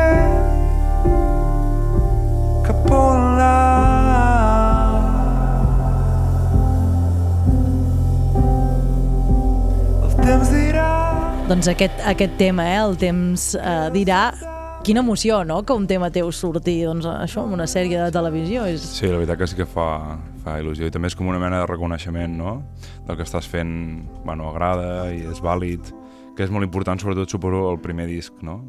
que esperes una mica això, no? Sí que al final ho fas per tu i per, bueno, per realitzar-te i tal, doncs, evidentment també esperes que la gent, no? que hi hagi alguna que algú li agradi, no? I sí, la veritat que, que, que molt content. A més, aquest tema és especial perquè era un tema que no, no estava no havia d'anar al disc perquè no, no, el vaig crear mentre estava gravant el disc. Mm. A casa tenia un piano i un dia, a mig de, dels dies de gravació, em vaig assentar, pum, i em va sortir aquest tema així com un, de, del no-res. I llavors, amb el tècnic de so, en Carles Xirugo, gran tècnic, doncs vam dir, "Pf, fiquem un micro aquí al piano i pum, gravem-lo. I va ser així, i és com molt fresc, i té un punt així molt fresc que m'agrada molt, no? I llavors, bueno, sí, soc molt content també, el temps dirà. Juanjo, eh, què et sembla? Volem fer dues temps dirà? preguntes. Sí. Ah, em sembla molt maca, la veritat. La, la cançó és preciosa, vull dir, deixa-m'ho deixa dir també. Merci. I ara, aquesta cançó m'ha fet una mica reflexionar i et vull fer dues preguntes així una mica més íntimes. Sí, la primera és molt fàcil de respondre. Si poguessis descriure les teves cançons amb un adjectiu, quin seria? Emotives és el primer que em surt. Mm. Sí. I, i et descriuries a tu mateix com a motiu, també? Hi hauria aquesta relació? Sí, sí, totalment. Sí, sí. No, sí, la veritat és que les cançons són molt com jo sóc. Jo amb això sí que sóc una persona Mm. molt transparent i diguéssim que no hi ha estratègia. Eh? També em va sortir això i jo llavors... Sigui, el que, el que escoltem és el que ets, no? Podríem sí, dir. No, no hi ha molt de filtre. Potser, potser ara, potser en el segon disc, potser sí que dic, bueno, a veure què vull ensenyar, què no vull ensenyar. Però aquest era molt, mira, em sortia un tema d'això, doncs pues mira, és el que hi ha, no? Vull dir, ha sortit això. No, no, no era el rotllo, vaig escriure de tal cosa. No, és com em ficava la guitarra, pum, agafava també el paper i a veure què sortia, no? I mira, va sortir, per exemple, aquest, el temps dirà, no? Com una reflexió. Sí, el al temps dirà el, di el, disc, no? el disc, per exemple, com anirà, no? Uh, Sí, sí, bueno. digues, Juanjo, perdona. No, dic que, que també és important, jo crec, per un artista, no? Jo, jo tinc un amic que està començant en el, en el món de la música, també, Mm. i sempre li deia una cosa, dic, si plau no perdis l'essència d'allò que et fa ser qui ets. Perquè moltes vegades eh, els músics, quan ja comencen a tocar temes més comercials, per mi perden l'essència d'allò que volen mostrar i acaben ensenyant el que no volen ensenyar. I, i tot es perd pel camí. Per mi un valor molt, molt important i molt afegit en el món de la cançó és no, eh, has de ser qui ets i has d'ensenyar qui ets. Per mi, almenys, com a opinió personal, vull dir, crec que és important. Totalment. I crec que tu vas per aquest camí. Totalment. Sí, jo també, és una cosa que valoro molt en, la, en els artistes, que és l'autenticitat, no? De, parla des de Mm. tu, no, no, o no et fiquis màscares, no et disfracis. Passa que també és, és respectable, eh? és respectable, vull dir, també hi ha artistes que es, bueno, tenen la seu, el seu personatge creat, no? Seva... dis- Mm. A mi no, a mi m'amola allò, l'autenticitat, no? Allò, I quan és veritat, jo crec que les cores són molt més punyents i arriben molt més lluny. Clar, potser... Clar, al final la música està per arribar allà on, on altres arts, no? que jo considero art, no, no hi poden arribar. És eh, ensenyar allò que no es veu. Jo sempre he descrit la música amb, amb aquesta frase. Bona, bona descripció. Clar, ensenyar Perdona, all- Marta. allò que no, que no es veu, i clar, i a més a més, fer-te sentir, no? Eh, Perquè una mica és el que tu busques, no? Potser, Mm. o, o, o que aconsegueixes, no? Amb la teva música, fer que la gent senti, no? Eh, si, si és tristor, si és melancolia, no, no, no sé quins sentiments eh, doncs, eh, són els que s'han de sentir Eh. mentre estàs escoltant la teva música. Sí, a més a part també no oblidem que la música és teràpia pura. Eh? Jo el, el, el tema que obre el disc és el content, que és una cançó que pel títol dius content. Que, més que parlar de- d'estar de, content, és, un, és una cançó que parla de la lluita per estar content, no? de la voluntat de voler estar content. Llavors aquesta cançó jo la vaig fer un moment ja fa temps que estava fatal i, i realment vaig dir, hosti, què puc fer per estar content? Tal. I vaig dir, pues faig un tema no? i a veure si funciona. I la veritat és que ha funcionat. De deixar que no, de, de, de no permetre que t'ennubulin, no? El, Sí. el voler estar content. Sí, sí, no? I, de, i jo vull estar content, no? I la, la tornada al tema diu això, vull estar content i llavors jo, per exemple, aquesta cançó mm, sé de gent que després m'ha vingut i m'ha dit hòstia, és brutal aquest tema, l'energia que, que et dona, no? Per dintre, que et fa com algo de tirar endavant. Llavors, clar, això és genial. I, i si això no és des de l'au- l'autenticitat, jo crec que no costa molt arribar a la gent. Però sí que la, la veritat que té una part curativa la música també. Sí que a vegades només pensem en la part lúdica, però la música va, bueno, és molt gran, no? Vull dir, serveix per moltes coses. Entre altres coses, això, per intentar estar, per estar més content. Uh, exacte, um, amb en Juanjo dèiem, uh, hem repassat, eh, Juanjo, el, els, els, les actuacions que has fet en, el, en els últims uh, mesos, o uh, aquest estiu, eh, perquè l'estiu és un bon moment per escoltar Eh. música, ho diguem aquí en el, en el programa, has estat actuant a Campllong, Planoles, i l'últim va ser precisament dissabte passat, al, al càmping Bassegó de Part del Banyà, no? Uh, mm. no sé quins projectes de, de futur tens a nivell de, de segon disc o d'actuacions. La, la veritat és que uh, ha anat molt bé des de fa, el març de l'any passat vaig publicar el disc i la veritat que hem actuat bastant. Sempre els músics el que ens agrada més és el directe i ens, ens hagués agradat actuar més. I sobretot amb tota la banda perquè a part de, de fer concerts en solitari tinc el, el quintet. I bueno, ja ens hagués agradat més fer més bolos a quintet que costa moure-ho i així perquè clar, com més gent és més complicat. Però molt content de, dels concerts. I llavors ara ja em vull ficar a treballar el segon disc a pensar quan començo a gravar, ja tinc alguns temes fets i treballar idees i la veritat que tinc moltes ganes també, és com és, un, és un, bueno, una, una, una, bueno, una nova energia, no? una nova empenta que tinc ganes de fer-ho. I també ja el veig molt diferent, saps? Que, tot, bueno, això. Pues, A part també que també també hem sapigut, Albert, eh, que formes part de l'espectacle Heavy per Xics i Ah, aquest any sí. actueu per segona vegada a l'acústiqueta. Sí. Eh, I també formes part d'una banda tribut a Bob Marley, del heavy al folk passant pel reggae, eh, que són Sí. tres estils molt diferents, no? Sí, la veritat és que... Toques tots els pals, podríem dir. eh? Bueno, tots no, eh? Perquè Quasi tots. N'hi ha molts. Però sí que sempre he estat un cul inquiet. No... Per això també deia abans que no he trobat un estil que... Vaig de música de manera global i, i tots els estils tenen les seves coses bones, no? El reggae, per exemple, m'agrada molt. I també tinc un reggae que segurament anirà al segon disc, que es diu Tots som terra, que ja el toco en directe. I llavors, bueno, el heavy, jo vaig començar fent heavy quan era jovenet i tal, i mira, també és, eh, i també és un, és un gran projecte heavy per xics, i també per la mainada que està molt en auge. També estic amb una, amb una banda que es diu Pop per xics, Llavors, mira, estic al heavy per xics i al pop per xics. Això ja... Això ja Interessant, Ja es interessant. veu que, puc, que canvio d'estils, no? Que, Sí, sí. que no sóc ni una de cosa ni una altra. Polifacètic. Sí. Si, si et sembla, Albert, moltes t'agraïm que hagis estat avui aquí a, al Mar i Muntanya amb nosaltres, repassant un la, aquest di- disc i donant-nos aquesta primícia de, de, del segon disc que ja estàs preparant. Si et sembla, acabem amb content amb aquest eh, tema que, que ens explicaves abans. Deixem-ho ben amunt. Perfecte, fins ara mateix. Gràcies.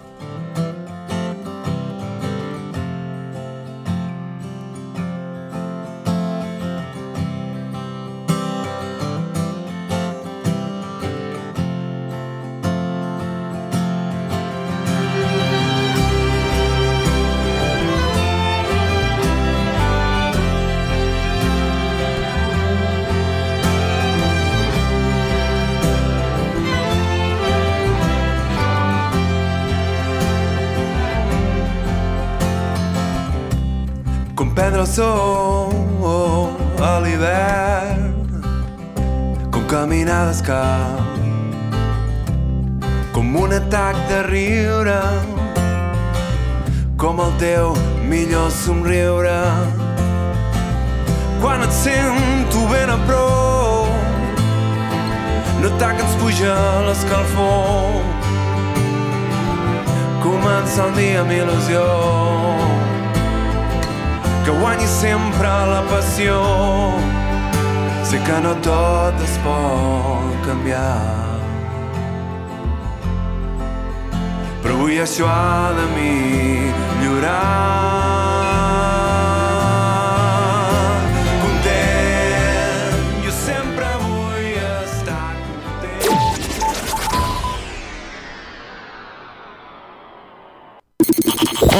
Mar i muntanya.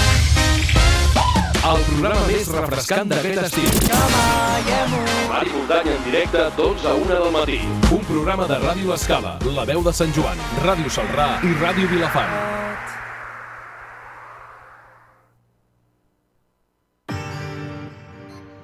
Doncs ara el que volem fer, volem anar cap a Sant Joan les Abadesses amb el nostre company Guillem Planagumà de, des de la veu, que avui ens parlaràs de- d'ADN antic. Explica'ns de... explica'ns això, Guillem, explica'ns-ho bé. Sí, mira, Mercè, nosaltres aquí a Sant Joan sempre ho diem, que som un poble de moltes cultures i moltes eh, nacions, i entre altres perquè tenim molts ambaixadors eh, repartits pel món. De fet, si entreu a Instagram hi ha un hashtag que és Sant Joanins pel món, i a part de la gent de vacances que hi ha per allà que hi penja les seves fotos, també hi tenim tota la gent que està estudiant fora, que està treballant a fora, que està, vaja, visquent a fora. I avui justament volem parlar amb una d'aquestes persones. Ell és en, en, en Xavier Roca. En Xavi és, uh, és biòleg, va estudiar biologia a, a l'Autònoma, després hi va fer també un màster en ADN uh, antic, que ens explicava l'altre dia que parlàvem doncs, d'aquests morts de la Guerra Civil uh, eh, que hem trobat aquí, a, que es van trobar, doncs, que eren del Ripollès, ens explicava ell, no? com, a, com a persona que ha treballat l'ADN antic, doncs, algunes de les aplicacions que té estudiar aquestes coses, com ara aquest fet de memòria històrica, no? que pots re retrobar eh, el fil eh, genètic de persones doncs, que estan enterrades des de fa 80 anys, també té altres eh, aplicacions, evidentment, en, en, en saber la història de l'home. Justament en això, en història de l'home, és el que s'està especialitzant ara perquè ell està a Austràlia, concretament a Adelaida, eh, fent un doctorat sobre, justament sobre eh, ADN antic. L'està fent a, a l'Australian Center for Ancient DNA, en aquest eh, laboratori de la Universitat, com us dèiem, d'Adelaide. Ella està especialitzant-se en la història genètica de Mesoamèrica precolombina. Aquestes paraules eh, que gairebé no ens tenen gaire sentit per nosaltres, és el que ara ens explicarà en, en Xavier Roca, que el tenim a l'altra banda del telèfon, des de l'altra banda de, del planeta. Hola, Xavi. Hola, bones, què tal? Molt bé, ara eh, dèiem això, eh? nosaltres aquí eh, som, eh, som al matí, però tu ja estàs gairebé aviat cap a, cap a dormir, te vas per la diferència horària, de manera que t'a- t'agraïm que ens hagis eh, respost la trucada. Primer, tot això que t'explicava, no? estàs fent aquest doctorat que et portarà, que t'està portant eh, 3 anys a, a Austràlia sobre la història genètica de Mesoamèrica precolombina. Què vol dir tot això, Xavi? Exacte. Mira, uh, uh, aquí en el meu, en el meu centre uh, tenen diverses línies d'investigació i, i jo estic a, en el que és la- l'apartat d'evolució humana. I uh, en, uh, en aquest meu grup uh, que intenten uh, investigar uh, és bàsicament el, el, la població, o sigui, com es va poblar aquest món des de la sortida d'Àfrica, no? A part d'això, també fan diversos, diversos estudis de, de selecció, i, i, de, i de biologia evolutiva. Llavors, eh, el meu supervisor s'ha especialitzat en el que és la, el poblament d'Amèrica, com des de Beríngia es va entrar l'home i s'ha començat a, po a poblar tot el continent americà. Llavors, es tenen molt, moltes informacions de les migracions del que és el nord i del sud d'Amèrica, però es desconeix totalment tot el que és la història genètica dels, de, de, de Centroamèrica. Llavors, eh, el que centrarà el meu doctorat serà com en una regió de Centroamèrica, que és Mesoamèrica, com es va donar aquest procés de, de migració, que és essencial per entendre com des del nord es va anar cap al sud. Com, a- com, Xavi, com et va com et vas interessar per aquest tema? Perquè eh, és una cosa molt concreta, no? Què et va portar, què la vida et va portar a interessar-se per interessar-te per aquest tema? Exacte. Um, jo, uh, com, com ha dit en, en Guillem, en el meu màster em vaig especialitzar en, en l'estudi de l'ADN antic. Llavors, quan jo vaig acabar el màster, eh, estava centrat en que em volia, volia fer un doctorat eh, sobre ADN antic, que era el que a mi m'agradava. Llavors vaig trobar aquest laboratori que estaven buscant estudiants, eh, vaig passar el procés de selecció i tenien diversos temes eh, d'investigació. Llavors eh, aquest era un de, dels que estaven treballant i, i em va agradar i, i, i vaig tirar endavant. Llavors, més que buscar aquest tema en concret, el que em va portar aquest tema va ser l'estudi de l'ADN antic. Mm -hmm, molt bé, Xavi, ens expliques això, eh, de, uh, ara que us esteu, centrant, tot i estar a Amèrica, en aquests estudis a, a aquesta zona de Mesoamèrica, no?, que, que, que ens ho explicaves, i és aquesta, uh, aquesta, aquesta zona de Centroamèrica, no?, que avui en dia podríem dir que és el sud de Mèxic, ens explicaves això, que, que el context genètic d'aquella uh, zona Uh, doncs hi han passat moltes coses, no? d'entre d'altres perquè des de sempre ha estat una, una regió molt uh, multicultural i tot i que és una de les regions no, més claus, podríem dir, de, a nivell genètic de, de tota Amèrica, tant de Nord-Amèrica com de Centroamèrica, potser és de, de les menys estudiades i és justament el que esteu fent vosaltres. I per què és la menys, és una de les menys estudiades i, i de quina manera l'estudieu? Exacte, uh, està molt poc estudiada perquè uh, al estar a, a l'Equador, aproximadament, les, les temperatures són molt elevades i el que fa això és degradar uh, la, les restes uh, humanes antigues. Llavors això el que comporta és que l'extracció de, de l'ADN sigui, sigui molt dolenta. Llavors, per això hi ha un desconeixement del que és tot l'equador de, de, de la Terra a l'hora d'extreure de, de, l'ADN. El que passa és que amb les noves tècniques i les noves metodologies eh, de seqüenciació eh, el que ens ha permès és, és, és poder a tenir més bons resultats d'aquestes zones. Llavors, Mhm. eh, aquests estudis més recents en- ens permeten eh, po- poder estudiar eh, Mesoamèrica, que, que és el, el, el gran incògnita que, que teníem d'Amèrica. Llavors, eh, com tu has dit, eh, Mesoamèrica és el que és al sud de Mèxic i passa per Guatemala, Belize, eh, una part d'Honduras, del Salvador, una part de Nicaragua i de Costa Rica. Llavors, eh, el que ens per permetrà entendre uh, l'estudi de l'ADN antic, perquè hi ha gent que diu i per què no ho feu amb, amb, amb persones actuals? El problema de, de, del que passa a Amèrica és que degut a la colonització les poblacions uh, són, són barrejades, són, són barreges de, de natius americans amb europeus, africans i asiàtics. Llavors el que ens permet uh, estudiar l'ADN antic és, és veure uh, els llinatges eh, genètics eh, autòctons de la zona i també veure quins, quins llinatges eh, es, es van extingir per, per culpa de la colonització. Llavors aquí anem més enllà, que és l'estudi de, de la selecció eh, abans i després de la colonització europea.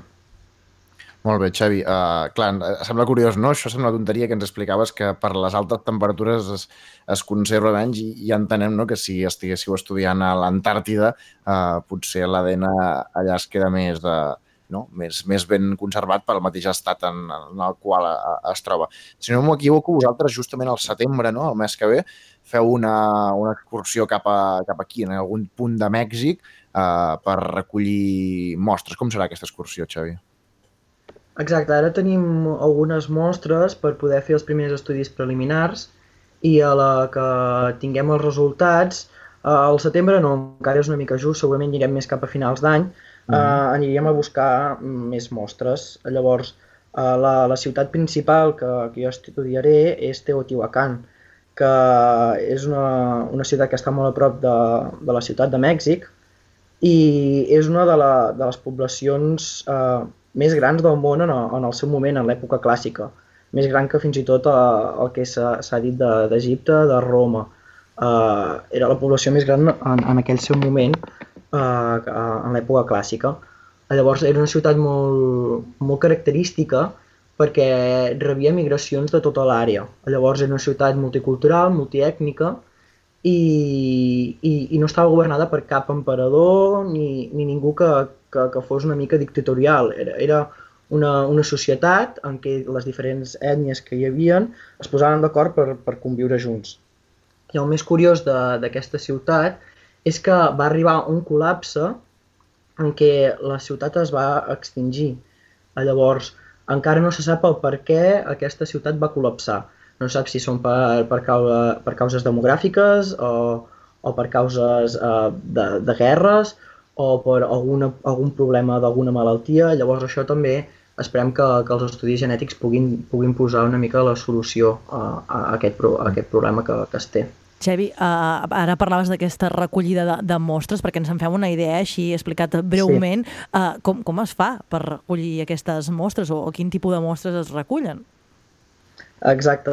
Mira, uh, um, els arqueòlegs uh, tenen els, els que són els ossos dels individus i llavors uh, un cop uh, es tenen les restes òssies es miren uh, els millors ossos en què es pot recuperar l'ADN. Llavors, normalment uh, el que tens més bons resultats solen ser uh, les dents, utilitzant la, la part del cementum de dins, o si no, uh, el que dona més bons resultats és la part de l'os patrós, que és el que es troba a l'interior de, del crani. Aquests són els dos ossos en, en què tens més, més bons resultats. Molt bé. I escolta, Xavi, ara ens parles molt d'això, no? d'ADN, però també ens has parlat molt d'història. Tu has, has hagut de formar-te en història també per, per poder dur a terme aquests estudis? Exacte, o sigui, el que intenta fer aquesta part de, de la genètica és, és, és, és ajudar la història a contextualitzar el que ha passat, no? anar més enllà de, del que la història no, no pot. Llavors, eh, jo formació de història no tinc, però, però clar, m'he de, de, he de saber què, què, què passa, o sigui, per, per, o sigui, he de saber com la, la, la informació genètica pot col·laborar amb, amb el coneixement de, de, de, històric. Llavors, eh, clar, m'he de, de formar, és el que, el que forma part d'un doctorat, no parar de formar-te en diferents àmbits. perquè també m'estic formant en, en bioinformàtica, perquè a les noves tecnologies el que permeten és fer moltes més coses, però cada vegada hi ha menys laboratori i hi ha més informàtica.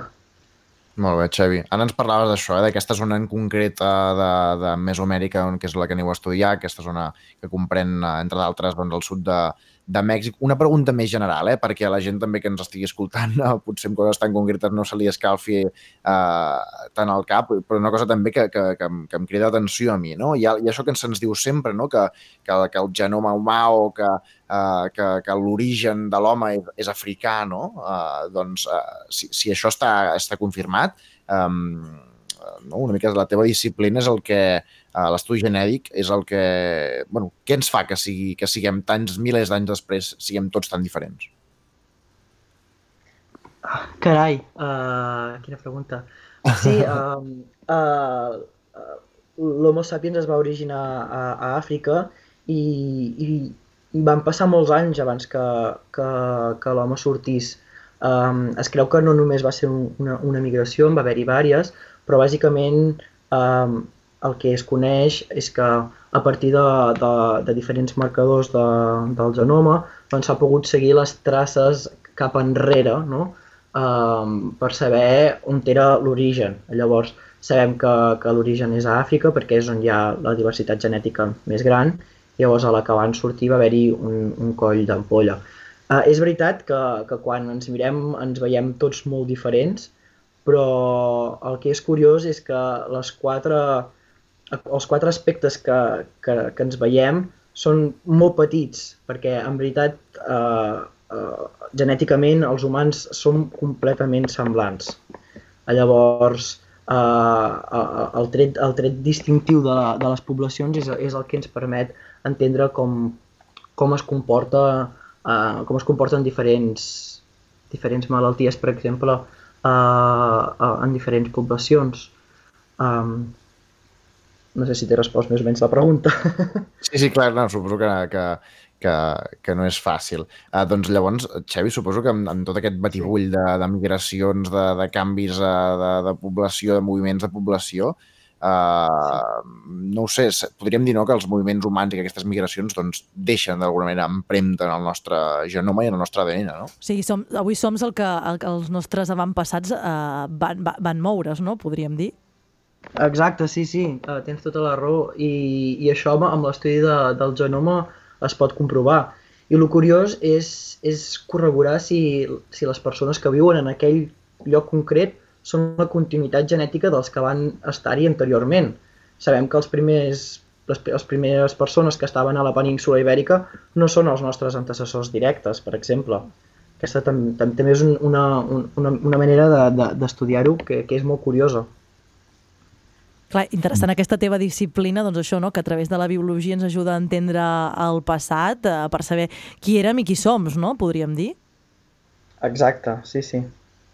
Molt bé, i Xavi, mira, ara també fent una línia del temps, eh, perquè això també eh, potser ens ajudarà com a entendre potser des de, des de la nostra perspectiva ignorant a nivell de, eh, de genètica, clar, en, ens parlaves d'això, no? de que justament el que esteu estudiant vosaltres és aquesta eh, informació genètica precolombina, no? abans de, de l'arribada de, de, de Coloma a, a Amèrica. Nosaltres ara si veiem aquest punt de la colonització d'Amèrica, podem dir que fa molt de temps, però clar, en temps, en temps genètic, per dir-ho així, a dir, en la relació que té el temps eh, que cal perquè les coses canvien a nivell genètic, podríem dir que, que fa pocs dies que, que pas d'això. Exacte, sí, sí, la- l'arribada de, dels europeus a Amèrica, eh, parlant genèticament, és recent, però tot i així es va tenir un impacte molt gran. Eh, bàsicament, no només per, per, per la barreja de poblacions, sinó per les conseqüències que, que va tenir per, per, per, per les poblacions indígenes. Eh, migracions eh, que, que, que, que, que s'escapen de, de, del que podien haver sigut, eh, bàsicament eh, extincions de diferents llinatges, de diferents poblacions, eh, la mortalitat de, de les poblacions indígenes van ser molt altes. Eh, llavors, tot aquest context eh, històric eh, ha modificat molt el que és, el que és la, la genètica actual de- de- d'Amèrica. eh, et volia comentar, ja més a tall de- de- d'actualitat, jo que sóc a l'Empordanesa i que vaig viure de, de bastant a prop al cas, no sé tu què en penses d'aquests tests genètics que s'estan posant, eh, bueno, de moda podríem dir, no? No sé si va seguir el cas de, de, de Pilar Abel, eh, la, la que deia que era filla de Salvador Dalí, doncs amb tot això de Sí. l'exhumació, jo des d'aquí, des de Ràdio Vilafant, ho vaig seguir bastant de, de prop, tu com a, com a persona que estudies l'ADN, doncs eh, què n'opines de, de, doncs, fet, d'aquestes exhumacions, de, de fer aquests estudis eh, genètics eh, per saber d'això, d'on venen els ancestres?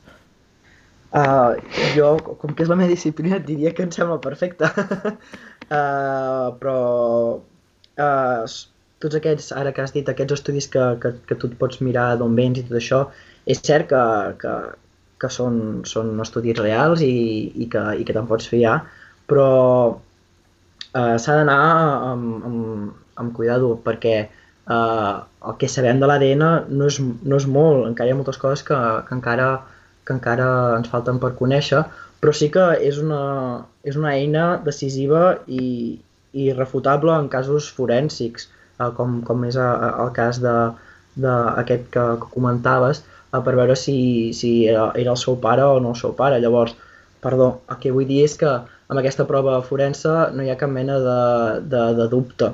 Llavors, uh, sí que va haver-hi molt, molt debat sobre si s'havia d'exhumar o no, però es, es necessitava la, la mostra. Llavors, uh, en aquesta part de, de l'exhumació es necessitava l'estudi de l'ADN antic, clar.